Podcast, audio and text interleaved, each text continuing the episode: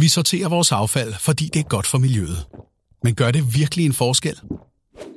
Ja, for eksempel kan din mælkekarton eller den tomme emballage fra din spaghetti bolognese blive til ny karton og plast, hvis du afleverer dem til genanvendelse.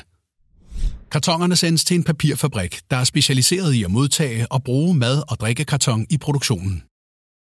Typisk er en karton beklædt med en plastfolie på indersiden, resten er faktisk papir.